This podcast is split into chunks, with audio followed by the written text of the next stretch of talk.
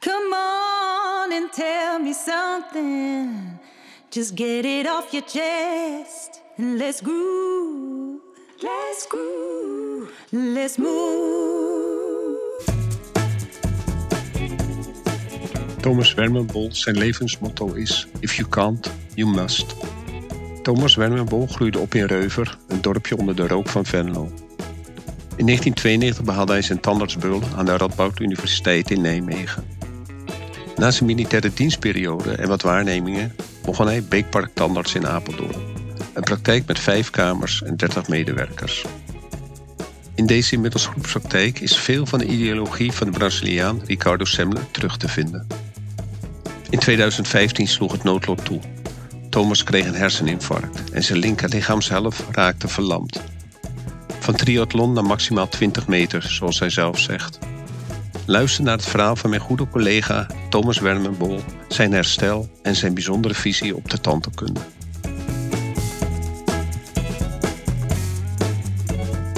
De Tandarts Podcast. De podcast vol wijsheid, tips en tricks over communicatie, teambuilding, leiderschap en het marketen van goede tandheelkunde. En bovenal jouw opstap tot financiële vrijheid en jouw succes. Welkom bij de Tandarts Podcast. Ik zit hier in uh, Brummen, in een, uh, in een boerderij die zometeen er zo ongelooflijk mooi uit gaat zien.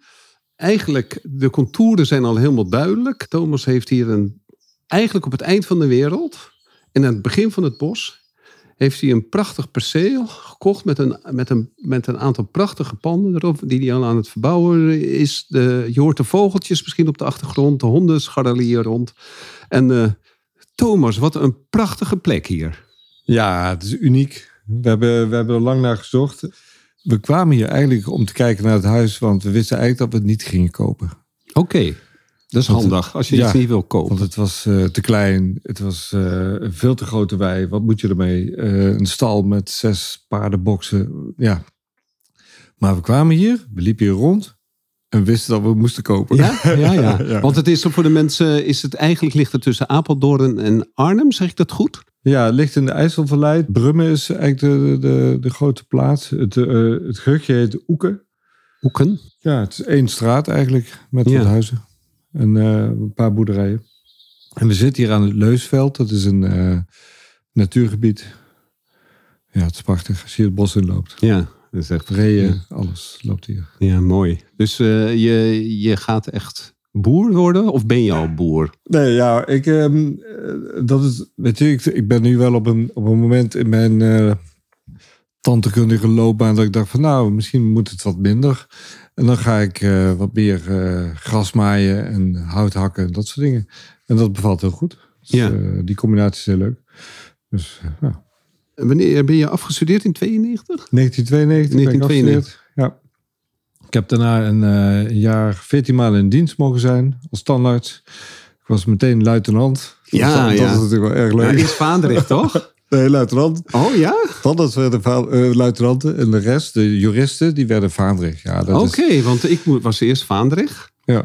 Toen tweede luitenant en pas op het eind de eerste luitenant. Ja, blijkbaar was het... Heel kort Vaandrig, een maand of zo. Oké, okay, ik denk dat, dat de nood hoog was toen dat de tandartsen snel overal naartoe moesten. Ja, ik werd, okay overal naartoe gestuurd. En het was, uh, het is wel een leuke manier om, om het vak, uh, zeg maar, om, om uh, buiten de universiteit aan de gang te gaan. Ja. Je hebt je geen tijdsdruk. Je kan toch een beetje in je eigen praktijkje bezig zijn. Ja, je hebt wel een vrachtwagenchauffeur als assistent. Dat is natuurlijk wel een uitdaging. Ja, ja. Maar ja, verder is dat wel, was dat heel leuk. Ja, het is heel leuk. En het is echt een, een rustige om, om erachter te komen dat je het echt kan, hè? Want dat verbaasde mij zelf zo toen ik daar in dienst was, dat je, het, dat je toch goed opgeleid was, dat je het ja. gewoon kon. Ja, ja, ja. ja. ja Wel langzaam, klopt, ja. maar je kon het. Ja, ja, ja. ja dat klopt. Ja. Ja, en je bent toch alleen. Ja. Dat, dat heb ik altijd wel. Uh, ja, goed. Je, je hebt niks om op terug te vallen. Hè? Dat was je in de universiteit wel gewend. Dat, dat er, als het dan echt niet ging, dan ging die assistent wel even aan de gang. Of zo. Ja. Weet je? Dus uh, dat, dat, ja. Dat is wel mooi om, om dat te ervaren. En dan, dan ga je ook dingen dat merk ik nu bij, bij jonge mensen die bij ons in de praktijk zitten. Die hebben altijd iemand die kan helpen. Ja. Dat hadden wij niet. Of dat had ik niet. Nee, nee. Je, je werd gewoon van de leeuwen geworpen. Ja, je moest het toch maar doen. Ja, je moest het maar doen. I have a dream. Hey, en eh, heb je altijd tandarts willen worden? Nou, mijn vader was huisarts. En met praktijk in huis. En eh, met diensten en toestanden. En waar was dat? In Limburg. In Limburg, ja. Reuver. Ik wist vrij snel, dat wil ik niet. Want al dat gebel en gedoe. Je vond Maar- het eh, intensief voor de familie. Ja, ja. maar ik, ik weet nog dat ik ehm, de middelbare school zo'n toets ging doen, of zo'n test ging doen van, nou, wat, wat wil ik nou eigenlijk? En daar kwam uit architect of tandarts. Oké. En ehm, ja, uiteindelijk heb ik voor tandarts gekozen. En nu ben je architect als ik hier zo om me Ja. kijk. ja, nou ja het, het, het, wij maken in de, in de mond ook allerlei dingen. Dus, dus het is, ehm, ik voel me ook soms een architect. Ja, Dus ja, dat is ook zo. allebei. Hey, en ehm, eh, nooit gedacht, was ik maar wat anders begonnen? Nee, nee. Ik, ehm, middelbare school was voor mij best wel een heftige bevalling om dat voor elkaar te krijgen. Dyslexie, eh, nou, ja, moeilijk, moeilijk. En toen kwam ik op de universiteit en toen ging het allemaal vanzelf. Dat was Nijmegen, hè? Nijmegen. Ja. En eh, de praktijk, de, de, ik haalde zelfs een achters en negens voor tentamens. Nou, dat was absurd. Hoe kwam dat? Geen idee. Maar had je- heeft dat te maken met eh, gewoon intense interesse? Ja, misschien. Of, of- Goeie, goede buurman tijdens het examen. we hadden wel leuke trucje- trucjes daarvoor. Ja. Nee, ik Vertel er eens één. Nou, ik, ik, mijn, mijn vader die was dus huisarts. Die, die had ooit een keer eh, van zo'n zo'n zo'n farmaceutisch vertegenwoordiger had hij een, een pen gekregen. En dan kon je dan een, een dingetje uitrollen en daar stond dan reclame op. Ja. En die pen, daar had ik dus die reclame had ik weggehaald. En daar had ik gewoon briefjes opgeplakt. Ja. Dus ik had tijdens het examen... Kon ik, ja. we hadden nog geen telefoons hè, toen, Nee, nee, en, nee. en andere dingen. Dus, maar. Kijk, vaak was het zo, als je zo'n eh speakbriefje had gemaakt... dan Was het kende, al genoeg, hè? kende je het al. Ja, dan kende je het al. Ja, want... En hadden jullie ook in jouw tijd ook oude vragen? Wij hadden eh, op een gegeven moment wel, eh, vooral met de vakken psychologie en zo, dat was toch wel heel belangrijk om die oude vragen te hebben. Ja, ja, die gingen ook rond. En dat waren vaak meer keuze dingen. Ja. En dan eh, was het ook nog van belang om te weten welke versie je had. Ja, oh, A, B, C of D, want anders draaide dat. Maar het, het, het gaf altijd wel inzicht in wat er gevraagd, eh, Ja, wat er ja. gevraagd zou worden. Dat- Ik vond het wel heel belangrijk, want al was het niet, al kreeg je niet de vragen, dan snapte je in ieder geval waar ze naartoe wilden. Want het, Ja. als je aan zo, die boeken waren zo groot en die, en die college-dictaten waren niet altijd Nee. briljant, om zo maar te zeggen. Nee, nee. Nee, en, en eh, als ik nu kijk hoe, hoe er geleerd wordt en hoe, hoe mijn dochter eh, college krijgt. En we hadden van die dia's, die Ja. dingen. En, en, en, eh, Donkere kamer. Ja. Ja, want eh, je kon dat ook nauwelijks terugkijken. Je- je- visueel was het wel een stuk minder allemaal. Maar goed, toch eh, kwam je er wel doorheen. Ja. En, en wat heb je specifiek van, eh, want je vader is huisarts en je, die heeft je geleerd dus dat je geen huisarts wilde eh, worden. En, maar wat, is het, eh, wat, wat kan je iets noemen wat jij van je vader hebt overgenomen naar de tandheelkunde toe? Nou ja, ik- ik kom wel uit een. Kijk, mijn, mijn vader had vier broers en zijn vader was tandarts. Zijn broers zijn allemaal tandarts geworden. Oh, oké. Mijn neef is tandarts. Mijn, mijn broer is tandarts. Dus Oké, er oké. is wel een, Oh. soort genetische. ja, je kan het eigenlijk niet niet worden. Ja, ja, oké. Maar ehm, ja, wat heb ik van. ehm, wat ik wel altijd mooi vond van hem, als hij spoedgevallen had, als het druk werd tussendoor, dan. Mug. Hij heeft dan- een muggen dood. Ja. Nu. Heel goed man, in één hap. Zo, hop. Ja, dit, is- dit zijn hele slome. Ja, oké. Wel heel groot, maar heel sloom. Dit is een mooie plek voor een leguaan. Ja, ja, ja. ja, die- Dit is een lekker land voor een leguaan. Nee, maar wat ik, wat ik altijd zag bij mijn vader, als hij dan, dan was hij, eh, hij, hij ging altijd schilderen. Hij had 's morgens zijn spreekuren en dan smiddags ging hij schilderen. En wat er ook gebeurde, hij ging schilderen. Was er een spoedgeval, dan werd eerst het palet schoongemaakt. Het werd even... En ik zei, joh, moet je nou niet daar als de brandweer naartoe? Hij zei, ja, nee, ik moet zorgen dat ik helemaal daar oké naartoe kom. Snap je? Als ik daar ben, dan moet ik oké zijn. Snap je? En als ik helemaal gehaast, gestrest, dan ben ik niet oké. Dat vond ik wel een hele mooie. Dat heb ik, heb al altijd in mijn achterhoofd. Dus je, je snelheid zit hem niet in snel handelen, maar gewoon in, in, in Er er oké zijn. zijn. Ja. Ja. En ehm, heb je daar iets van... mm, Je schilder je ook tussen de, tussen de bedrijven door? Nee, of nee. de praktijk ook niet? Wat doe jij om eh, te ontspannen? Nee, ik ben, eh, ik ben een sporter. Ik was een sporter. Ja. Nou, ik ben het nog steeds wel een beetje. Maar ehm, eh, veel hardlopen, veel fietsen, eh, zwemmen. Triathlons heb ik gedaan. En dat gaf heel veel ontspanning. Ik ging gewoon voordat ik naar de praktijk ging. Om zeven uur beginnen we altijd. Had ik al tien kilometer hard gelopen. En dan, En liep je dan hard naar de praktijk? Of? nee, nee, gewoon een rondje door de stad. En dan weer terug. En dan eh, naar de praktijk. Want je woonde heel dicht bij de praktijk? Ja, ja, ja. En, en als ik daar nu op terugdenk, van mijn god, hoe heb ik dat toch voor elkaar gekregen? Wat een, wat een idioterie eigenlijk. Om, al, om al die uren zo ontzettend te, te vullen. Ja, Ja. ja, ja. Maar op zich, dat gaf wel heel veel eh, ontspanning in je hoofd. Mhm. Je, je hoofd wordt echt leeg. En, en ik had vaak ook wel goede ideeën als ik aan het lopen was. En, ja. Dan in één keer had ik een oplossing voor een Ja, probleem. ja. En eh, je, je sport nu minder, want er, er is een aantal jaar geleden iets vervelends gebeurd. Ja, ik heb eh 2015 een herseninfarct gehad. Out of the blue. Eh, deed de hele linkerkant niet meer. Hoe oud was je toen? Toen was ik 47. 47, een bloei Ja. van je leven. Ja, ja. Kinderen, een vrouw, een grote praktijk. Grote praktijk. Ja, en dan in één keer lig je op een zaal tussen allemaal eh, wat oudere mensen, zou ik Mhm. zeggen. En ik denk van, hè, wat, wat, wat is dit?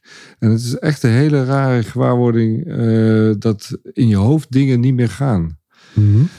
En ehm, ik weet ook nog wel dat, dat heeft me wel een aantal dingen geleerd hoor. Eh, toen ik terugkwam, hè, op een gegeven moment dan kun je wel weer lopen, je kunt weer eh, uit je woorden komen.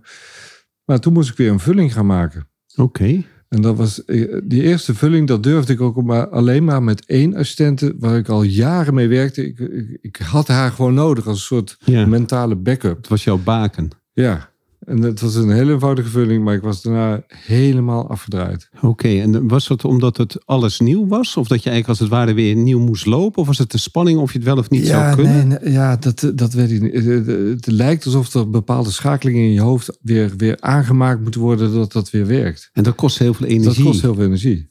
Voordat ik het ziekenhuis inging, had ik, eh, deed ik gewoon trailruns van 30, 40 kilometer, geen enkel probleem. Toen lag ik in het ziekenhuis, moest ik naar de wc lopen, 20 meter. En daarna was ik zo moe dat ik gewoon vier uur moest slapen. Ja. Dat was heel raar. Je, je, hoofd, eh, je hoofd werkt dan niet meer. Ja, dat, dat, dat, is- dat is wel heel stap voor stap is dat wel beter geworden. Ja, en dan ga je van één vulling naar twee vullingen, naar een bordgrammaling, naar facings maken. Ik weet ook nog wel, dat deed ik heel veel. Toen, toen ik zo'n klus weer oppakte, dat was ook, weet je, dan ben je lang mee bezig. Nou, ik was helemaal gesloopt daarna. ja. En dat- Maar, maar gaf dat. Ik ben een aantal keer geopereerd de laatste jaren. En ik weet eh, ook na zo'n eh, na zo'n narcose. Is het altijd best eh, op een of andere manier raar om weer op gang te komen. En wat ik merkte is, als ik één ding hoef te doen. Want ik, eh, hè, we, zijn natuurlijk allemaal bezige baasjes. En dus een, eh, een gewend om op meerdere kamers te werken als chef de kliniek. Dus er zitten best veel mensen aan je hoofd Ja. te zeuren tussen aanstekens. En je moet Ja. aan de lopende band beslissingen zonder dat je dat eigenlijk weet. ja. En dan, zolang ik maar op één kamertje zat en dat mensen me met rust lieten, dan kon ik het. Maar zodra er dus zodra er op twee of drie kamers of dat de, de praktijkmanager dingen ging vragen, dan, dan kwam er Ja. een ongelofelijke vermoeidheid. En dus ik kan me zoiets voorstellen dat dat, Ja. dat bij jou dan nog in het kwadraat is. Ja, dat Geweest? dat- ja, ja, ik heb dat ook langzaam moeten opbouwen. Ja. Kijk, nu kan ik gewoon wel weer een shift draaien. Maar ehm, nou, het is wel mooi. De, mensen waarmee ik werk, zij, zij zien dit ook. Ze Mhm. kunnen aan mij zien wanneer dat genoeg is. Wanneer het, eh, het bekertje overloopt. Ja. En ehm, ik heb nu ook een PA in de praktijk. Oké. Dus die eh, al mijn mails afvangt en al mijn berichten. En nou ja, dat Is een. PA anders dan een praktijkmanager? Nou, eh, ja, ja, bij ons wel. Ja. Ja, oké. Dus je hebt eigenlijk twee mensen. Ja, ja, eigenlijk wel meer. Maar Ja, nee, maar twee mensen die Ja. dan de, de, zij doet echt voor mij de. En kijkt ook naar mijn planning en mijn, mijn vrije dagen en weet ik veel. wat. Ja. Eh, Dus zij regelt gewoon de dingen Ja. die eh, mogelijk. eh, fout kunnen gaan. Ja. Die- die- ik moet ook een VA dan.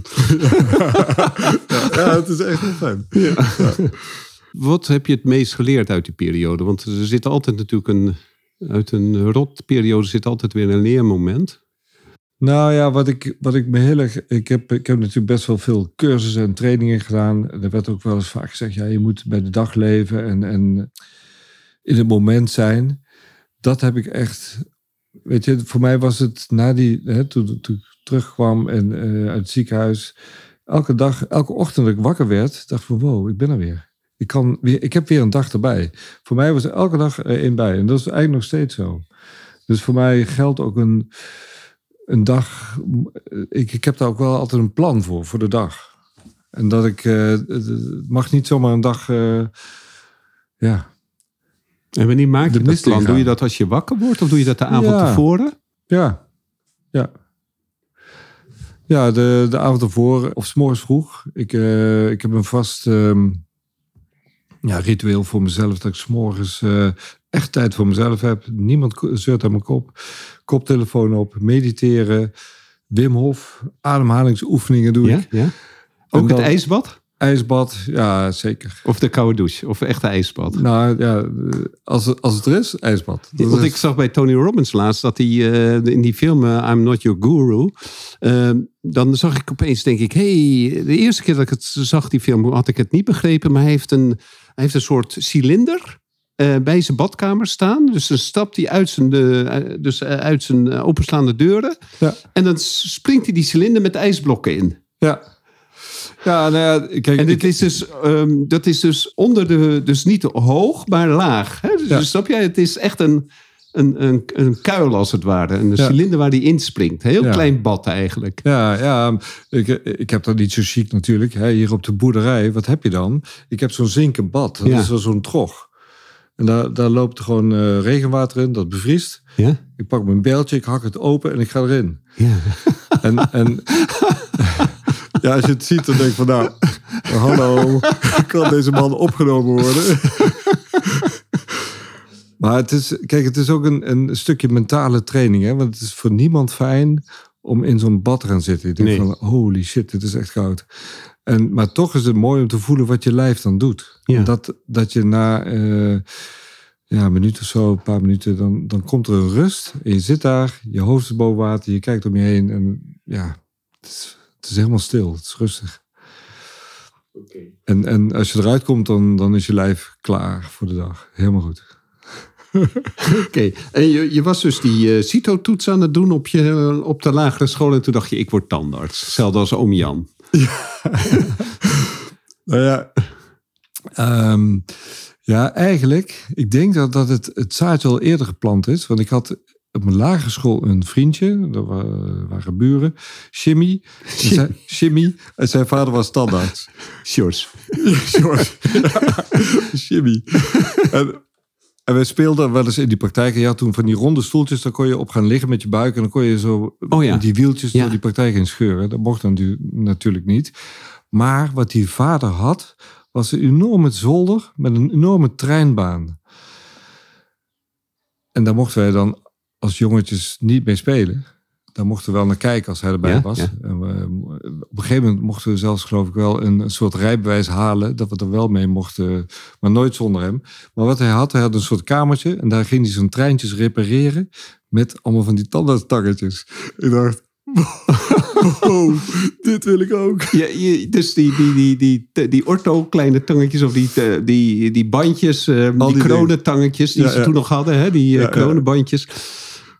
Dus Ja. dat is het moment geweest dat je, dat is voor jou de, de, de, de, het, de hefboom geweest om te denken, dit is ik wel heel ik had- gaaf. ik, ik had heel veel met al die spullen. Die, die, die tangetjes en, en die laden vol met, met, met allemaal. Denk van, wat kun je hier nou mee? Wat, wat, oh.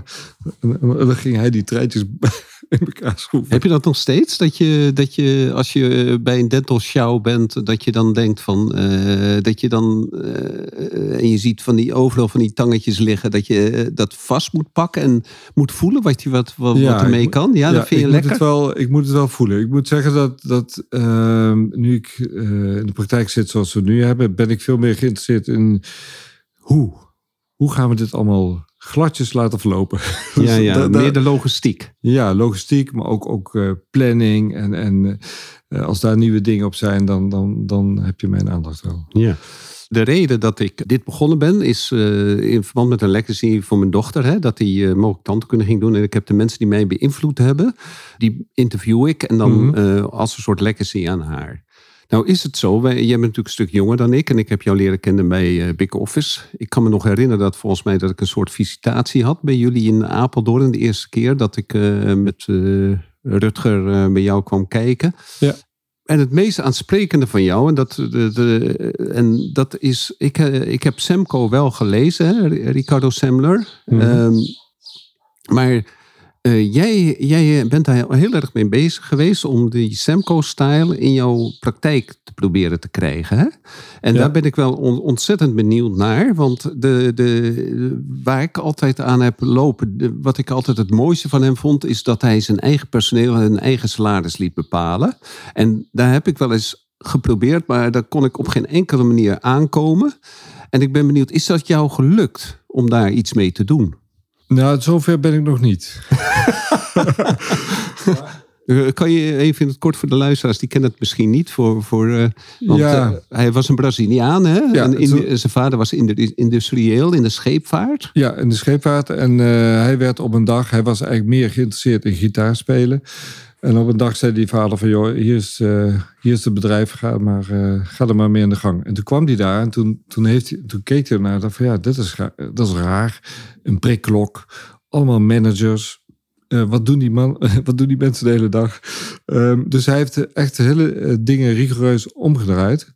Het, eigenlijk het hele middenkader eruit gehaald. Heeft... ehm, en, en toen ik dat boek in mijn handen had, en ik, op de achterkant staat inderdaad dat zinnetje van: het is een bedrijf waar werknemers hun eigen salaris bepalen. Toen dacht ik: wow. Ja, daar zit, weet je, als je zoveel commitment bij je medewerkers kunt krijgen dat zij hun eigen salaris gaan bepalen. Kijk, iedereen denkt: van, oh, dat is gaaf, dan ga ik even eh, flink eh, cashen nu. Ja, ja. Maar dat, dat, dat is het dus niet. Je, je, je bent zo betrokken bij het geheel dat je weet, dit kan ik verdienen. Dit, dit is mijn eh, rol en, en dit verdien ik. Ja, dat zei, kijk, in Nederland, ik weet niet of dat Nederlands is, maar in, in, in Brazilië heb je natuurlijk andere arbeidsvoorwaarden, andere. eh, Daarom kon hij ook 60% van het middenkader in één, één dag dat- ontslaan. Ja, dat, je kan het Ja. hier niet. Ja. Hier gaat dat niet. Dus, maar ik, ik heb wel dingen gedaan dat ik bijvoorbeeld met het hele team zat. Ik zeg, nou, eh, we gaan nu. We hebben 100 euro met z'n allen. Hoe gaan we dat verdelen? Hoe zou jij dat verdelen? Oké, dat is dat is wel mooi. En dan kun je, dan kun je zien hoe je. Het gaat om de verhoudingen uiteindelijk. Ja, hè? ja, ja. En ik vind ook dat ehm, de openheid over de financiën, want dat is ook, ook heel sterk. ja, dat is heel doen. sterk. Ja. Ehm, alles ligt op tafel. Ja, ga dat maar eens doen in je tandartspraktijk. Ja. Want durf jij als tandarts met je Porsche en met je boot en Ja. je zes vakanties, dan jouw salaris ook op tafel te Ja. leggen. En da, als, als je dat niet durft, dan heb je daar iets te doen. Ja. Dan, dan klopt daar iets niet. En, en dat is iets wat ik wel altijd in, in, in gedachten hou. Dat, voor mij zou dat morgen op tafel kunnen. Ja, ja. Maar dat, ik- dat, is, dat heeft nooit gehoeven.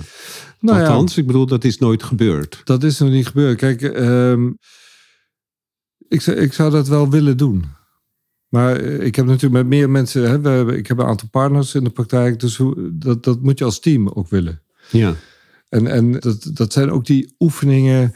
eh, God, hoe heet dat toch? Eh, over de line, geloof ik. Oh dat ja, je, dat ja. je zeg maar... en dan zeg je van, goh, wie verdient 1000 euro? En dan gaan we... en wie heeft de gescheiden ouders? Wie, Ja, het is wie natuurlijk spreekt voor iedereen heel er confronterend. 100% Nederlands en wie spreekt Ja. niet? Ja, en dan kan je steeds een stapje naar voren en dan zie je gewoon dat sommige mensen gewoon een Ja. ongelooflijke voorsprong hebben. Die eh, Joris Luijendijk heeft natuurlijk hier nu met die, eh, dat boek Zeven Vinkjes. Ja. Hè, dat eh, van eh, blank, man, Ja, christelijk, niet homo. Hè, dat, dat hele rijtje universitair onderwijs. Ouders die geboren zijn in Nederland. En dan, ja, dan heb je zo'n voorsprong eigenlijk op de rest van de mensheid. Ja. Dat, eh, dat het eigenlijk eh, onredelijk is. Hè? Ja, dat is. En, en ehm, ik, ik- ik, als ik nu ook naar ons team kijk, er zijn eigenlijk.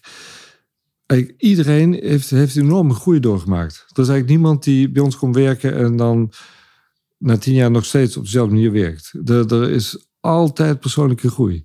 Er zijn mensen die, die nou, ik, ik- kan geen namen noemen, maar ik- er is, er is één, één iemand die, heeft, eh, die was au pair bij ons thuis. Mhm. Is eh, opleidingen gaan doen, is nu mede-eigenaar van de praktijk. Maar even een. een, Ja. een- een- en en eh, ja, wij, wij hebben een, een omloopteam. Er zijn mensen die doorgroeien van het omloopteam naar de assistentes, eh, preventieassistentie, eh, nou, ja, alles. Ja. Lesgeven. Dus die persoonlijke ontwikkeling. En, en, ehm, en, en dat is ook even de dingen. dat Ik denk van ja, als je iets niet kan, dan moet je het doen. Als je kent, then you must. Ja. En, en wat, wat bedoel jij specifiek? Bedoel je dan specifiek van degene die zich aan het ontwikkelen zijn? Of bedoel je jij als managementteam dat je dat eh, moet doen? Nou ja, kijk, jij moet het voorleven, denk ik. Maar, het, en, maar ook, ook de mensen om je heen eh, proberen uit te dagen om, om wel dat soort stappen te maken. En, en durf ook te falen daarin. Eh, Durf je dromen na te leven en durf ook te falen. Ja. En, en, ehm, maar daarvoor moet de, de omgeving veilig genoeg zijn. Mhm. Dus je, je team. Kijk, wij, als, als bij ons iemand iets spannends aan het doen is. Voor diegene. dan weet het hele team dat. En dat wordt gedragen. Weet je? Kan En je iets, wordt, eh, wat bedoel je met spannends? wat er vrij recent is gebeurd. Ik ga weer geen naam noemen. maar degene die. weet wel dat het over haar gaat. Een, een dame die van de omloop is opgeleid. Heb ik haar vorig jaar opgeleid tot assistente. Zij heeft zich ontwikkeld, ontwikkeld. Ik heb een paar weken terug gezegd, joh, we hebben een anesthesiecursus. Kom jij maar eens meedoen. Kom maar eens Mhm. Kom- eh, weet je wat? Kom gewoon kijken de eerste Mhm. keer. Dus ik, ik dacht van, nou je hoeft niet. Want ze durfde dat echt niet. Nee, nee. En maar ze heeft die, die cursus gewoon gedaan. Ze heeft hem met vlaggen en wimpel gehaald. Ze was het e- ene hoogste cijfer, geloof ik. Wauw. En ja, dat... Geeft dat- heel veel voldoening bij haar, maar ook bij jou natuurlijk. ja, natuurlijk. Want- Maar het hele team draagt dat Ja, ook. ja. Ze weten dat ze ermee bezig zijn en ze wordt gewoon gesteund. En, en ja, en dat, dat is wel mooi. Dat je dat soort stappen kunt maken op je werkvloer. ja. Die, die, die je eigenlijk niet voor mogelijk houdt. Nee, maar, maar dat is, ik denk dat ook dat een, een tandartspraktijk daar zich ontzettend goed voor kan lenen. Eh, inderdaad, zoals jij zegt, als die veiligheid er is. Ja. En het vertrouwen van de leidinggevende in het, in het feit van deze kan het. En dan Ja. kan je iemand gewoon verder leiden. Want hoe vaak hebben wij eigenlijk niet in ons leven iemand nodig gehad die tegen ons zei van je kan het, doe het. Ja, ja zeker. Je, kijk, je komt, Je moet, Ik weet, ik weet ook nog wel dat ik als beginnend tandarts wel situaties in de mond tegenkwam. En denk van, oh mijn god. Dat je echt iets voor het eerst gaat doen. En denk, ja, hoe ga ik dat doen? Maar dan, dan met, met de skills en met de dingen die je op dat moment hebt, kom je daar toch. En dat is, dat is dat durven falen. Je moet dat wel durven doen. En als je aan de veilige kant bent, zeg van ja, nee, dit ga ik verwijzen. Of ik, ga, eh, doe het niet, of weet ik veel. Ja, het is, eh, ik maak me daar. Dat is wel een zorg voor mij. Wat mij heel erg opviel, is dat. eh, ik heb die, die afgelopen dagen had ik, mocht ik bij die, die, die professional days zijn van Colosseum. En dat er, eh, als, en daar hadden ze ook een perso eh, persoonlijk, ja, zo'n persoonlijk onderzoek. En het viel me op dat hoeveel van de tandartsen in de, in de empathische hoek zaten. En het, het gevaar van empathisch zijn is dat je een soort. Ik ben heel empathisch, maar je moet ook heel doelgericht zijn. En daar moet je Mhm. een, een soort ja, evenwicht in vinden. Als je te empathisch bent, dan krijg je de kwakzalver, hè, dan, eh, die, de heelmeester die de stinkende wonden maakt, omdat je te Mhm. zacht bent. En dat is iets waar, waar, waarvan ik denk van wauw, af en toe heb je iemand nodig die zegt van kom op, je doet het goed. Je kan empathisch zijn. Iemand vindt het eng, maar we gaan, je moet het gewoon doen, want het is in het belang van zijn gezondheid. Ja, Hè? ja. Hetzelfde als bij een kind. Want elk, er zijn genoeg kinderen die niet fijn vinden om dat vullingje te doen. Maar je weet het. Op Ja. wat voor manier, we gaan het gewoon doen. Want het is in jouw belang van jouw gezondheid. Ja, dat, dat klopt. Dat, eh, het is wel grappig dat je het aansnijdt. We hebben nu een. eh, we hebben altijd iets nieuws in Mhm. onze praktijk. We hebben nu eh 11 juni gaan we iets, eh, iets grappigs doen. Dat, of grappigs, ja, dat is eigenlijk, ja, wel grappig. Ehm, we gaan een cursus geven voor patiënten. Heel wat leuk. En ehm, degene die met dat idee kwam, was mijn dochter. Dus ja, ik Wat ben goed. helemaal in de bodem natuurlijk. Ja. En dat gaat over angst. Mhm. En dat gaat over de beleving van pijn en de beleving van angst. Zij studeert biomedische wetenschappen. Mhm. En ze heeft nu een, een project met een groepje. Zij moet een project draaien waarbij ze dus uit gaan leggen hoe dat, eh, hoe, hoe, hè, dat ze info gaan geven eh, over ja, hoe dat in het menselijk lichaam werkt. Dus ze hebben een, een soort cursusje gemaakt waarbij mensen ja, geleerd wordt hoe pijn eigenlijk werkt hier. Wat is de rol van pijn en, en waarom? En, en eh, waarom zou je angst kunnen hebben? En, en daarnaast gaan wij dan als, als tandartsprofessionals, zeg maar, gaan we wat, wat dingen laten zien aan, pa- aan patiënten zonder behandeling. En hoe, kom je, hoe komen de patiënten kunnen zich inschrijven? Gaat dat via Ja. een nieuwsbrief van eh, kom langs, we hebben plek voor 50? Of eh, hoe Ja. gaat dat? Ja, Eh, het is nu, het was een heel kort dag, want ze heeft het twee weken geleden bedacht. En, Ja. het- het krijgt punten 11 juni. waarschijnlijk. Hè? Ja, Krijgt punten, ja. dus nu staat het op social media en zo. Het is niet alleen voor jullie praktijk, het is voor Nee, het is iedereen. in principe, voor elke principe Apeldoorn mag langskomen. Ja, we hebben, we hebben natuurlijk wel eigenlijk ons patiëntenbestand wat we kunnen, kunnen aanschrijven. Of kunnen, hè, we hebben natuurlijk mensen die we kunnen attenderen daarop. Maar in principe is het open voor iedereen. Eh, tot nu toe valt het nog mee met het aantal inschrijvingen. Mensen vinden het doodeng. Ja. ja, het is natuurlijk. Het is, Het is nieuw, hè? ja, het is nieuw. En, en, Wat willen ze eh, nu weer verkopen, toch? Ja, ja, en da- dat is natuurlijk wel een beetje jammer dat, dat de tandheelkunde er zo op staat. Maar dit is ook, dit bieden wij gewoon aan. Het is gewoon een, een, een, Ja. een traject wat, Ja. wat eh, ja, waar, waar, je, waar je echt wat aan kunt hebben. Ik ben, ben, ben benieuwd hoe dat, hoe dat gaat lopen. en als, als we toch te weinig aanmeldingen bij eh, krijgen, dan, eh, dan ga ik het gratis consult ga ik in de strijd gooien. Oké, ja, nee, dat- ja, natuurlijk. Dat, ja. het, het komt altijd. Kijk, het is een olievlek, hè? Ja. Eh, En anders kan je natuurlijk één op één met mensen gaan praten. In de praktijk dan gaat Ja. het heel snel natuurlijk. Ja, ja precies. Ja.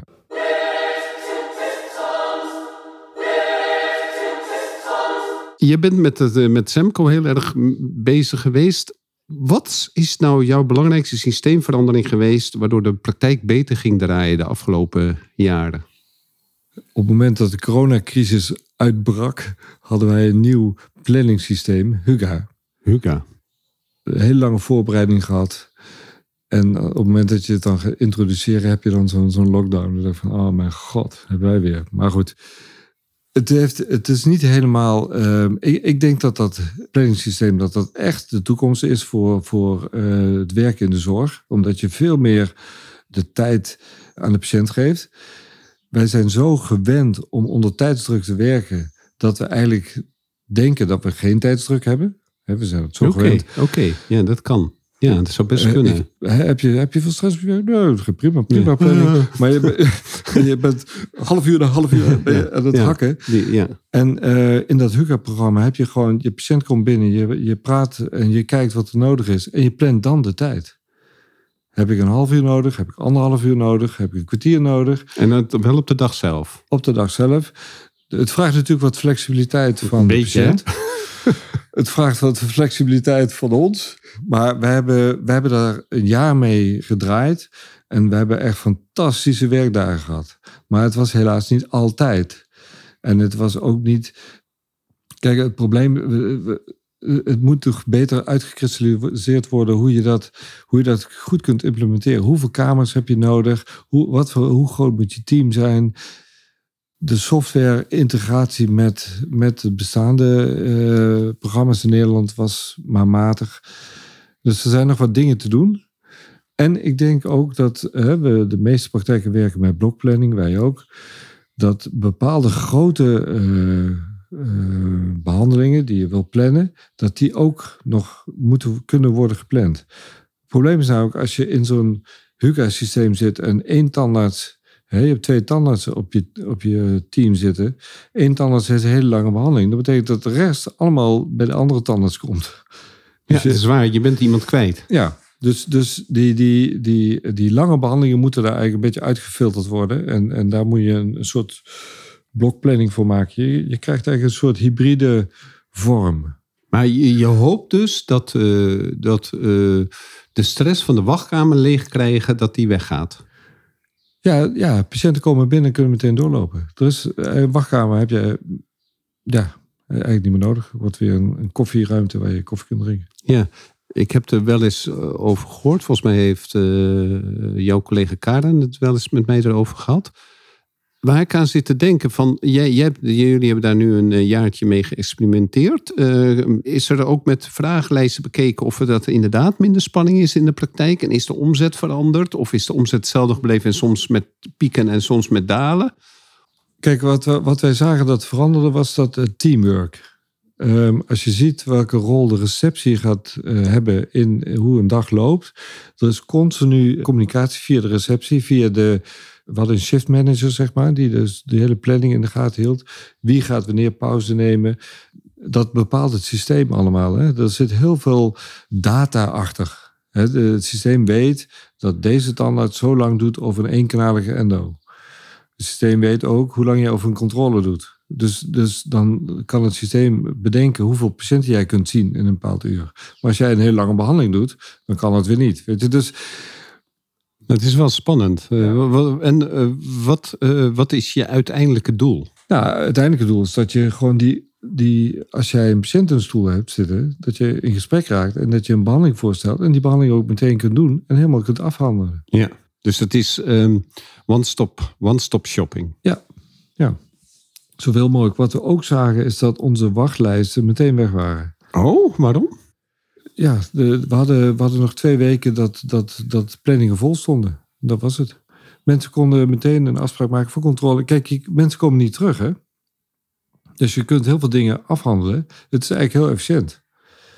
En, en ik denk met name... energie-neutraal. Want, eh, hè, want waar, de, waar, komt de, waar ik begrepen had, waar komt de, eh, hoe kon je als praktijk duurzaam worden om de, de, de medewerkers en de patiënten niet met de auto te laten komen? Want Ja. dat, dat schijnt 70% van de, de print te zijn van de CO2. Ja, En wij ja, allemaal maar heel moeilijk doen met onze weggooien dingetjes dat het daar het probleem zit. Maar het is gewoon de auto. het rijden. ja, het rijden. Ja. Ja. Ja, en zeker als je. Kijk, wij hebben natuurlijk een praktijk die midden in de stad zit. Dus we hebben. De reistijden zijn over het algemeen niet zo heel groot. Maar ik kan me ook voorstellen dat je meer plattelandspraktijken hebt. Ja. Ja, heb je, heb je best wel afstanden. En Ja. dan is het wel. Kijk, als jij dan voor vijf minuten controle. en je moet weer terug. en nog een keer voor het schoonmaken terug. en nog een keer voor die vulling terug. Ja. Ja. Dus, dus het idee. En, en wij hebben het in, in Finland gezien. eh dat was in Helsinki die praktijk. Ja, dat, dat werkt al jaren perfect. Maar er zijn een aantal dingen die, die essentieel anders zijn in de tandheelkunde daar als hier. En dat is bijvoorbeeld het preventiewerk. En wij doen zoveel preventie. Mensen komen zo vaak terug om weer een keer gereinigd te worden. Dat is daar veel minder. Dus mensen komen daar en dan is er van alles aan de hand. En dan moet het dan gebeuren. En dan, Je bedoelt dat de halfjaarlijkse controle daar minder geïntegreerd is? ja, ja, En ik weet ook dat, eh, dat eh, een groot gedeelte van Finland t- eh, tarieven vrijer zijn. Ja. Ja, je hebt daar eh, een soort publieke, eh, een soort ziekenfondspraktijken, zeg maar. En, en de, ja, kijk, zij hadden bijvoorbeeld, je betaalt 19 euro voor het maken van een afspraak. Ja. Alleen al het maken van een afspraak. Je hebt dus ook bijna geen no-shows. Nee, oké, dat is wel. eh, volgens mij is het ook de beste uitvinding van de restaurants om gewoon van tevoren. Per, Ja. per, per- per- ik weet niet of het hier in de omgeving is, maar Amsterdam er zijn een aantal eh, toonaangevende restaurants die vragen nu 25 euro per couvert van tevoren. Ja. Nou, dat is natuurlijk fantastisch om dat Ja. te doen. Zo slim. Ja. Want eh, het voordeel is ook, eh, als je nu je op de wachtlijst laat zetten, dan kan je gewoon ook, heb je een vrij grote kans dat je op het laatste moment toch nog gebeld wordt. Ja. Want die mensen die bellen op, want het scheelt ze 100 euro. En voor 100 euro wil je wel moeilijk doen. Ja. En het, het voordeel van zo'n, eh, voor zo'n restaurant is, ja, eh, het is hetzelfde als bij de tandarts. En natuurlijk de laatste twee maanden maken wij onze praktijkwinst. De eerste tien maanden is voor de vaste lasten en de belasting. Ja. En zo is het voor zo'n restaurant ook. Hè? De Mhm. laatste vier eh, couverts is de winst van de dag. Ja. En als je die kwijt bent, dan werk je eigenlijk voor niks. Ja, ja, dat is heel moeilijk uitleggen. Hè? Als, je, als je mensen. Een, een, hè, we mogen dan een nota sturen als ze niet zijn opgekomen dagen. Maar ja, Het is, Je- je het is kan- alleen maar een beetje pesten om. eh, ja hè? je- het is een beetje opvoeden. Of, of hopen dat het daardoor Ja. de volgende keer beter gaat. Maar, nee, ik, maar dat zijn dingen die wij hier niet mogen. Dat is natuurlijk wel jammer van het hele Nederlandse voor een ondernemer is het Nederlandse systeem niet zo heel uh, Nee, ja, je- uitdagend. Je mag niet flexibel zijn, hè? Nee, nee. Everybody get down! It's about to get real in here! Is dat ook voor jou in het, in het kader van Let's Get Real eh, de grootste struggle in je praktijk, in je, in je, in je hele carrière, nu of eh, vroeger? Nou ja, de struggle is tegen. Ja, struggle, struggle. Ik, eh, ik moet zeggen dat ik het eigenlijk niet. eh, Het zijn geen dingen die ik echt als een struggle ervaar. Ik vind, ik vind wel dingen. Het is vooral met mensen werken. Dus eh, mensen motiveren, mensen eh, aan je binden. Dat, zijn de dingen die eigenlijk belangrijkste, belangrijkste zijn. En heb je daar iets, eh, in, in iets eh, de hard way geleerd, dat je daardoor veranderd bent? Nee, nee. Kijk, ik, eh, maar dat, dat heeft met mijn persoon te maken. Ik ben niet zo iemand. eh, Je kunt niet zo heel makkelijk met mij in een conflict situatie terechtkomen, want ik buig er toch omheen. Ja, Ik ga, daar, eh, ik, ik ga dat wel uit de weg. Het is niet altijd goed. En, ik heb, ik, en daarom ben ik ook heel blij met de collega's hè, in het managementteam die ik nu heb. Die ehm, ja, daar wel soms strakker in staan. En dan, dan, dan helpt dat wel. Soms moet dat gewoon. Weet je, je Mhm. moet wel, wel dingen de hard way, eh, way proberen te doen. En dat, dat vind ik zelf persoonlijk heel lastig. alright. ja, het is goed als je dat eh, goed in je managementteam kunt eh, delegeren Ja. of eh, juist met elkaar afspreekt. De zeven zwoele vragen. Wat is jouw favoriete levensquote? Ja, dat is straks al even over. De, de, if you can't, then you must. Ja, dat is de Tony Robbins. eh, Nou ja, ik, is dat Tony Robbins? ja. Oké. Ja, ja ik, ik heb hem eh, ooit van Nico gehoord. Oké, ja. Want het is altijd zo'n ding dat van ja, wat ben ik nou aan het doen? Loop ik een beetje eromheen te draaien? Ga het nou maar doen. ja. Weet je? En dan, dat is ook als je zo'n praktijk, eh, die stap van een praktijk aan huis.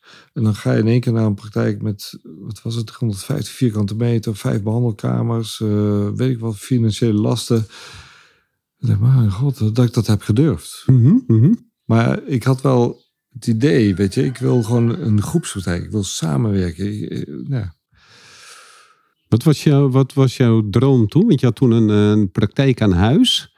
En toen dacht je van, ging het knagen? De, eh, je had het gevoel dat er iets anders moest gebeuren. Wat, wat is de, de stap geweest? Ik heb ooit in mijn studententijd eh, een praktijk bezocht die echt zo'n groepspraktijk. En dat was, als ik er nu naar kijk, denk ik van, mijn god, wat een lelijk ding. Maar dat was in mijn ogen, was, eh, waren allemaal kamertjes. En je had in het midden had je een grote pantry of, of een, een, een, een. Dus ik dacht van, ja, je kunt je ding doen en je kunt overleggen. En je, ja, dat, dat, dat, daar droomde ik van.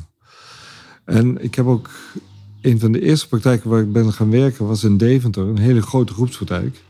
Acht. En ik dacht wow, dit is, dit, dit is het.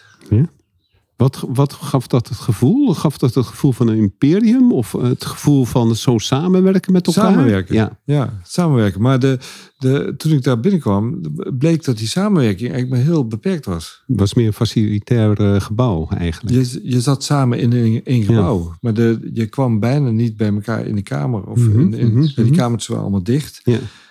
En dat heb ik wel, dat is wel iets wat, wat, eh, waarom wij de opzet van de praktijk zoals we nu hebben, is alles open. Je loopt heel makkelijk bij elkaar binnen, je hoort iets je denkt, oh, ik moet Ja, daar even zijn. Ja, ja. Ja, en, en echt samenwerken is in mijn ogen ook, ook eh, dingen voor elkaar opvangen. En ook laten zien dat je bepaalde dingen niet goed kan. Dat iemand anders dat beter kan. Weet je, je, je, je bent ook in een bepaalde kwetsbaarheid. En, en dat is in, in de tandheelkundige wereld is dat nog wel eens... eh, is dat nog wel eens lastig. Wat bedoel je precies? Nou, dat mensen open zijn en kom maar eens kijken wat ik heb gemaakt. Ja, er zijn natuurlijk zat dan dat ze die 30 jaar aan het werken zijn en niemand kijkt een keer naar die Mhm, vullingen of mhm. die wel netjes Ja, aansluiten. Ja. Wij hebben in onze praktijk het systeem dat de patiënten zijn lid van de praktijk. Mhm. Dus iedereen ziet iedereen's patiënten. Dus je hebt altijd ook overleg daarover. Je kan, eh, we doen wel, eh, als je eenmaal een bepaald plan hebt ingezet, dan maak jij dat plan af. Maar daarna komt zo iemand weer in de pool. En de volgende controle kan zomaar bij een ander zijn. Ja, ja. En dat, daar zit een, een bepaalde feedback in, en een bepaalde second opinion, die wel, die wel zorgt dat je scherp blijft. En eh, hoe, hoe leg je dat aan de patiënten uit? Hebben jullie, doe, doe- is dat, eh, staat dat in een soort huishoudelijk reglement? Of wordt dat juist als een unique selling eh, point gebruikt, pro- proposition? Dat het juist anders dan anders is? Maak je daar gebruik van? Of eh, hoe doe je dat? Eh, is het, vertel je dat als, wauw, mensen moeten eens kijken? Of eh, moet je dat pre-framen dat het iets negatiefs is? Nee, het is, het, is, het is niet iets wat we. Ik weet niet of het in onze huisregels staat. Zou kunnen, weet ik eigenlijk niet. Maar die, discussie hebben we wel eens, maar dat is in de behandelkamer. En dan leg ik dat uit. Kijk, als ik een patiënt van Karen bijvoorbeeld krijg. En die mevrouw die zegt: Oh, wat nu? Waar is Karen? En dan, dan probeer ik uit te leggen van nou, het zou wel eens goed zijn om een keer een andere blik in je mond te hebben. Eh, Stel dat je één keer in de zes, zeven jaar eens een keer een andere tandarts ziet. Die, die in één keer ziet van, goh, hier is heel veel slijtage aan de hand. Of hier is heel veel, eh, weet ik veel, dit aan de hand. Je, je hebt ook wel het gevaar dat je gewoon in een bepaalde mond gewoon op een bepaalde manier bezig bent. Wat ook anders had gekund. Patiënten hebben het idee dat jij als hun tandarts alles weet. En ook die hele mond kent. Ja, Dat, dat, hè, dat is ook zo, maar daardoor word je soms blind. ja, Ja. ja. ja, Dus, ehm, en dat, dat hebben, dat, die discussie hebben we natuurlijk in dat Huga-periode natuurlijk veel gehad. Veel sterker nog natuurlijk. Ja, want dan, eh, en met name angstige patiënten. Ja, maar dat is ook wel grappig hoe dat dan gaat. Als je dan uiteindelijk iemand toch in je stoel krijgt. En die altijd bij die collega is. En dan nou, praat je ermee. Je gaat toch voorzichtig een behandeling doen. En dan zegt ze. En vervolgens bij de balie zegt ze dan. Ik wil alleen nog maar bij jou. Dus, ja, ja. ja. dus de, de behandeling van de, de angst of, of het ongemak, eh, de- de- ja, dat is dan eh, ook een ding eigenlijk Ja. wat je moet doen. Je zou eigenlijk vrij moeten kunnen zijn om naar iedere willekeurige tandarts te gaan. Als praktijk moet je er gewoon voor staan dat Ja, dat, Dat er gewoon de- gekalibreerd is. de dat het, manier ja, van werken, hè, dat dat, dat, dat, eh, Ja. dat, dat, dat, gelijk dat is. Eenduidig is. Dat je op dezelfde manier behandeld wordt. Ehm, welk boek lees je nu? De Fontein. Vertel eens. Dat is een boek dat gaat over eh, familieopstelling en jouw plek in jouw familie. Mhm. En ja, ik ben daar een beetje bijgekomen omdat er ook wel dingen in mijn gezin, in mijn familie eh, spelen. Met mijn moeder met name. Mhm. Waarvan ik denk van, hmm, dat zit me gewoon niet lekker. Dat, Mhm. dat, dat loopt niet lekker. Hoe komt dat nou? Ja. Waarom stromen dingen niet? Ja, en die ja. fontein, dat is een metafoor voor, eh, weet je wel, zo'n champagnefontein. Ja, ja, ja. Hè, Je bovenin giet je wat in en dat komt Dat- vanzelf bij jou beneden. Maar het gaat wel via een bepaalde weg. En, en dat is heel iets onbewust. Je, je denkt van, ah, ik kan met mijn familie, kan ik wel, die, die zet ik aan de kant, daar heb ik geen last meer van. Mhm. Eh, eh. Nee. Dat blijft, en dat is wel een integrerend onderwerp, vind ik. En, en dat, dat maakt wel hoe je, hoe je in de dag zit, Ja. vaak. Ja, ik hoorde laatst iemand die eigenlijk die zegt van vrienden en eh, familie is zo belangrijk. Want eh, zonder je familie en je, je vrienden ben je, was je gewoon in de oertijd alleen en was je overgeleverd. Je Ja. had gewoon iedereen nodig. Dus je moest gewoon met elkaar opschieten. Ja. En ehm, ja, soms denken wij dat dat niet nodig is. Maar waarschijnlijk zitten die instincten er nog steeds in. Hè? Want waarom willen we dat zo graag? Dat we zo graag goed met onze broers of met onze zusters om kunnen gaan. Hè? Ja. Want het, Ja, maar ook hoe, hoe ga je er dan mee om? We, Ja. we, we hadden altijd, ehm, of uh, wij gingen nog wel eens op familieweekend. Ja. Dan ging je zo'n weekend en dan zag je je broers, je zus, je ouders. En dan, als je dan naar zo'n weekend, ik was daar soms wel, dacht van, nou, ik was wel teleurgesteld over. Dat, Hmm. dat, het was heel oppervlakkig. Oh, Ja, wat is ja. het heel leuk. En wat gaan we Ja. nog even voetballen? En we- hoe is het weer? En, maar waar, waar je eigenlijk over wil hebben is van, hoe is het met jou? Hoe gaat het met jou? Ja. En, die, die, en als je daar niet meer kunt komen als familie, dan denk ik van ja, dan, wil ik daar, dan ben ik degene die daar wat aan wil doen. Ja. Ik wil daar wel komen. heb je hem weer? Ja. nou ja, ik heb, ik heb, eh, we hebben een aantal maanden geleden heb ik met mijn broer en mijn zussen hebben wij een gesprek gehad met z'n vieren, waarbij we deelden hoe, dat, hoe dingen gaan. Mhm. Ja, dat, dat is zo mooi. Mhm. En er komen dingen boven water van vroeger. Mhm. Ik denk van, hè, was dat zo voor jou? Ja. Hè, voor je jongste zus of zo. noemen we, ja. weet je, dat, en, dan, dat, en dat meet dan een enorme band. Weet je? Ja. En dan heb je het wel in één keer over dingen. Ja. En dan kun je daarnaast ook over het weer hebben. Over, Ja. Maar dan weet je, je hoeft elkaar maar aan te kijken. Je weet Ja. dat het oké is of zo. Mooi. Ja, dus uh, Fontijn. Ik weet De Fontein. niet We zoeken het op wie. Is het een Nederlands boek of een vertaald Ja. boek? De Fontijn. Eh, De schrijfster weet ik even niet. Oké, geeft niet. Komen we achter. Ja. Wat is het eh, boek wat elke ondernemende tandarts gelezen zou moeten hebben? Ja, wat mij betreft Semco. Ja, Semco. En welke. eh, waarom is het. Waarom heet het. eh, Want dat begreep, ik niet. Hè? Want In het Engels heet het Maverick. En in het Nederlands heet het Semco-stijl. En in het eh, Braziliaans heet het. De tafel moet omgedraaid worden, toch? Oh, dat weet ik niet. Oh ja, ja. Dus Ja. Dat, ik denk van. wat, eh, Want ik zat eh, hier naartoe, zat ik even. Op, Ja.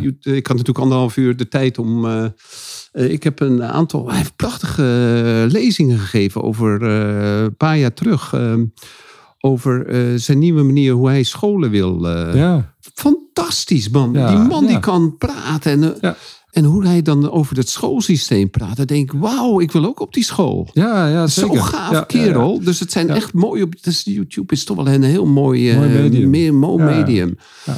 Dus toen, toen eh, zag ik opeens ook dat, eh, de, de vertalingen van die... Volgens mij, dat, ja. over die scholen, dat komt in dat boek ook, ook voor. Maar wat ik, ja, ik weet niet. Ik heb dat boek in één ruk uitgelezen. Ik was, ja, dat was jouw ja, boek. Het ja. was, was gewoon... het is ook eh, wel een spannend jongensboek, hè? Ja. Ja. Hoe gaat het verder? En, oh, dit en dat.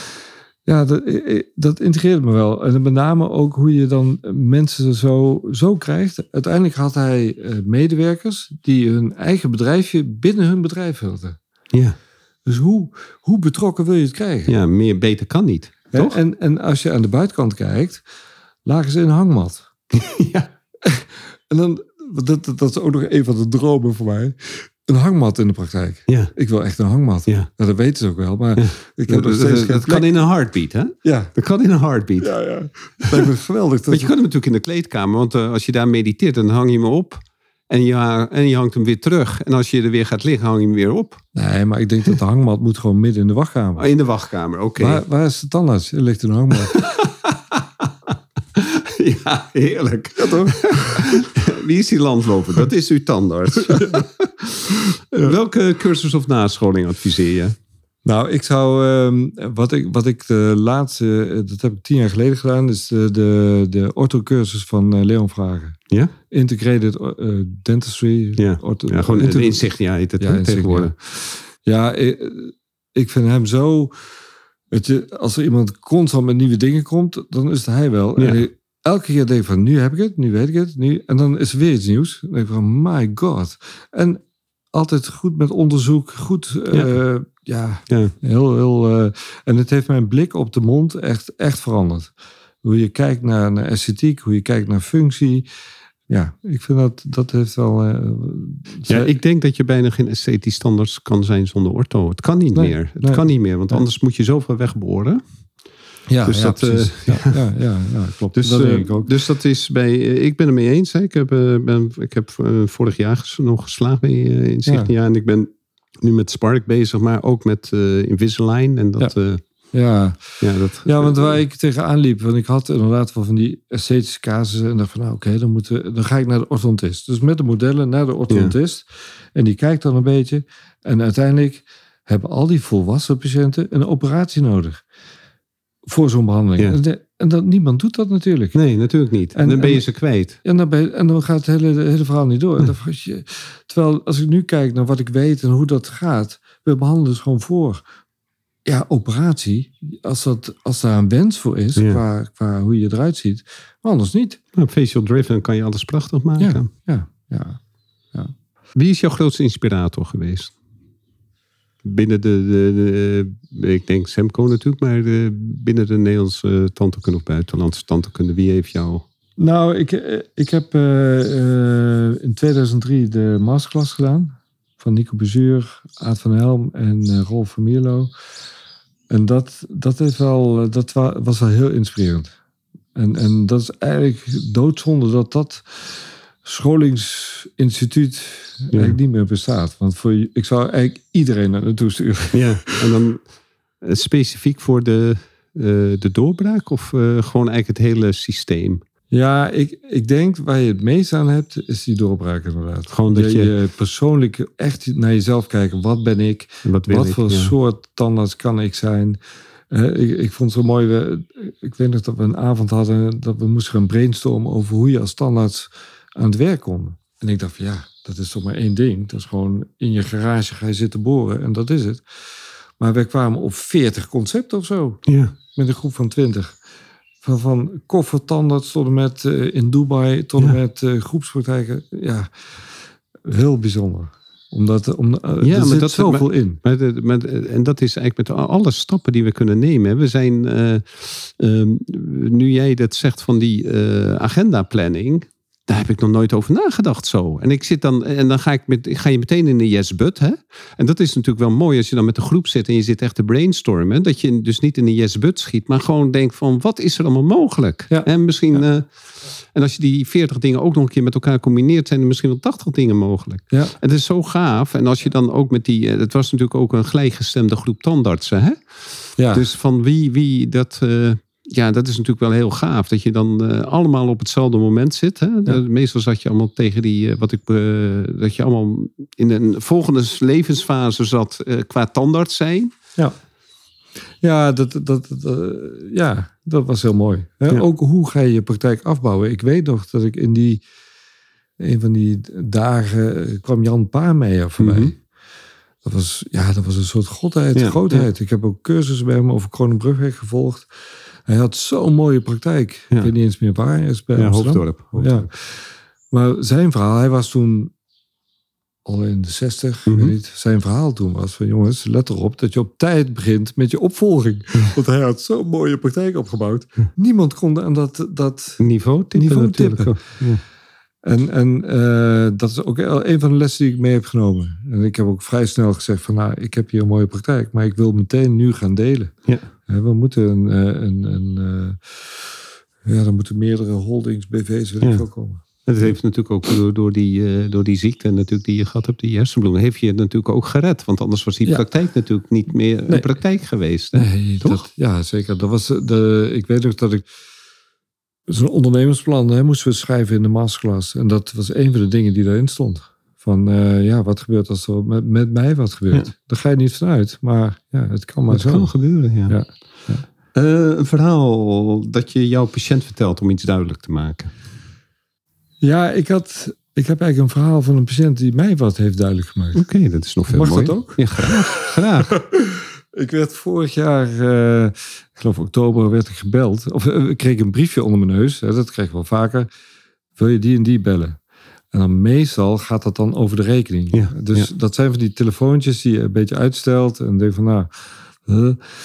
Dus met dat gevoel ging ik eh, bellen. En toen eh, belde ik. Dat was een oudere dame. Ik had haar aan de lijn. Ze zei van ja, ik ben eh, vorige week bij de dokter geweest. En ik, ben, ik heb kanker. Ik ga binnenkort dood. En dat wou ik je persoonlijk zeggen. Mhm. Ik heb gewoon een lijstje gemaakt van mensen die ik wilde bellen om dit te vertellen. En daar stond ik ook bij. Mhm. En dat raakte me zo. Van, mijn god. Weet je, dat je, dat je zo'n band kunt opbouwen Mhm. met iemand. Ja, dat, dat vond ik wel een heel mooi, eh mooi ding. Ja. Dat was echt eh, heel bijzonder. Van, wow. Mooi verhaal. Ja, ja. ja. Eh, welke drie dingen adviseer je een startende collega of een student? Ik denk dat het durf, durf te dromen en durf Mhm. te falen. Probeer echt ook jezelf te zoeken in hoe jij als standaards bent. En een goede mentor. Zorg dat je een mentor hebt die jou mee kan nemen. eh, Een, gast met ervaring en met durf. Ja, dat zou ik. Ik had gewild dat ik toen zo iemand had gehad. dat leek me wel mooi. Maar ik heb uiteindelijk in die masterclass mijn mentoren wel gevonden. Ja. En, en ehm, dat, dat zou ik ze willen meegeven. En ook wat, je nu wel veel merkt. eh, Afgelopen vrijdag toevallig een jonge meid in de praktijk gehad, heeft meegelopen. Ja, wat, wat, wat zoeken ze in de tandkunde? Ja, wat, wat, En- wat, en- waar gaat een hart van Ja. slaan? Hè? Waar gaan ze Ja. van kwispelen? Hè? Ja, toch? Dat is, Zo zeg dat je is dat. moeilijk, moeilijk te, te voelen nog. Ja. Het, het gaat veel over, eh, nu gaat het gebeuren, ik ga nu veel geld verdienen. En, en dat is ook de, de markt nu, dat is natuurlijk heel tekort aan, aan, aan jonge tandartsen. Dus ze kunnen eigenlijk overal aan de slag en ze kunnen vragen wat ze willen. Maar het is, dan En- er ligt maar- een burn-out en een bore-out. De bore-out Ja. ligt heel erg op de, Ja. in de, Ja. op de loer. Hè? Ja. Ja, het het is eh, de. eh, misschien weet je dat ik ben een, een, eh, een klein bedrijfje begonnen, de Tanders Business eh, Mentor. Dus dan. Mhm. eh, want het is natuurlijk iets. Jeetje, als je toch acht. eh, ik denk dat, eh, dat je hem eigenlijk pas nodig hebt. De, de mentor als je zes, zeven jaar bezig bent. Hè, van Mhm. Dat je op dat moment, hè, waarschijnlijk was jij ook toen je met de Ja. doorbraak bezig was, ook waarschijnlijk zes, zeven, acht jaar bezig. Ja. Hè, dat je op een gegeven moment het boren snapt. En dat je dan op een gegeven moment denkt, hoe nu verder? Of wat heb ik nodig? Help, help, help. Ja, maar ja, het daarvoor ook wel belangrijk dat je dan niet keuzes maakt die dan je blokkeert. Ja, Snap je? Dat als jij eh, je goede mentor hebt gevonden, dat je dan vastzit aan weet ik wat. Of op de verkeerde plek. Of Ja. eh, al, eh, ja. Nee, ik ben- met je eens. Ik denk dat dat, en, en dat is het beetje jammer van, van de opleiding, denk ik. Dat is een gemis in de opleiding, dat, dat er wel wordt geleerd hoe je het vak uitoefent, hoe je tandarts bent, maar alles eromheen. Ja. Hoe jij als mens bent, hoe jij als ondernemer bent. Dat, dat, dat, daar is niet heel veel aandacht Nee. voor. ik heb me, eh, als het goed is, ga ik eh, in ieder geval zes eh, workshops geven volgend jaar, volgend jaar op de, op de ACTA. Oké. Op dit gebied. Ja, en ik heb me aangeboden. Ik denk als, ook als een soort legacy. Want het is zonde als ze dat gewoon niet weten. Ja.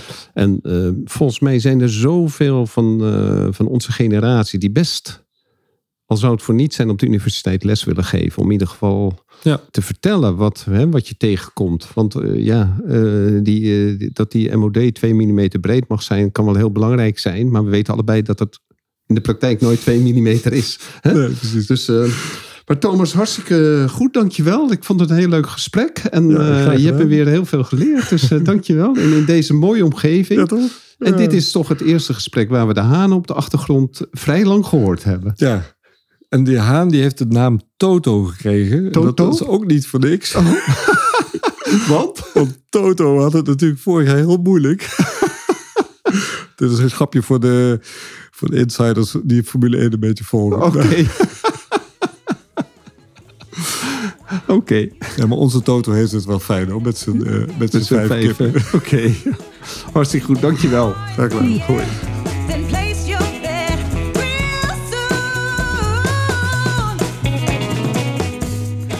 Super dat je weer luistert naar een aflevering van de Tanders podcast.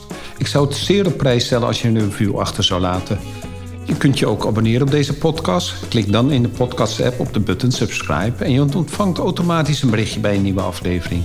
Ken je iemand die deze podcast ook leuk zou vinden? Deel deze dan. Via Spotify kan je dat heel simpel... door op de drie puntjes te klikken en te delen. Je kan mij ook bereiken via mijn LinkedIn-account. Ik ben te vinden onder mijn naam Ron Steenkis. Nogmaals, dankjewel en tot de volgende keer.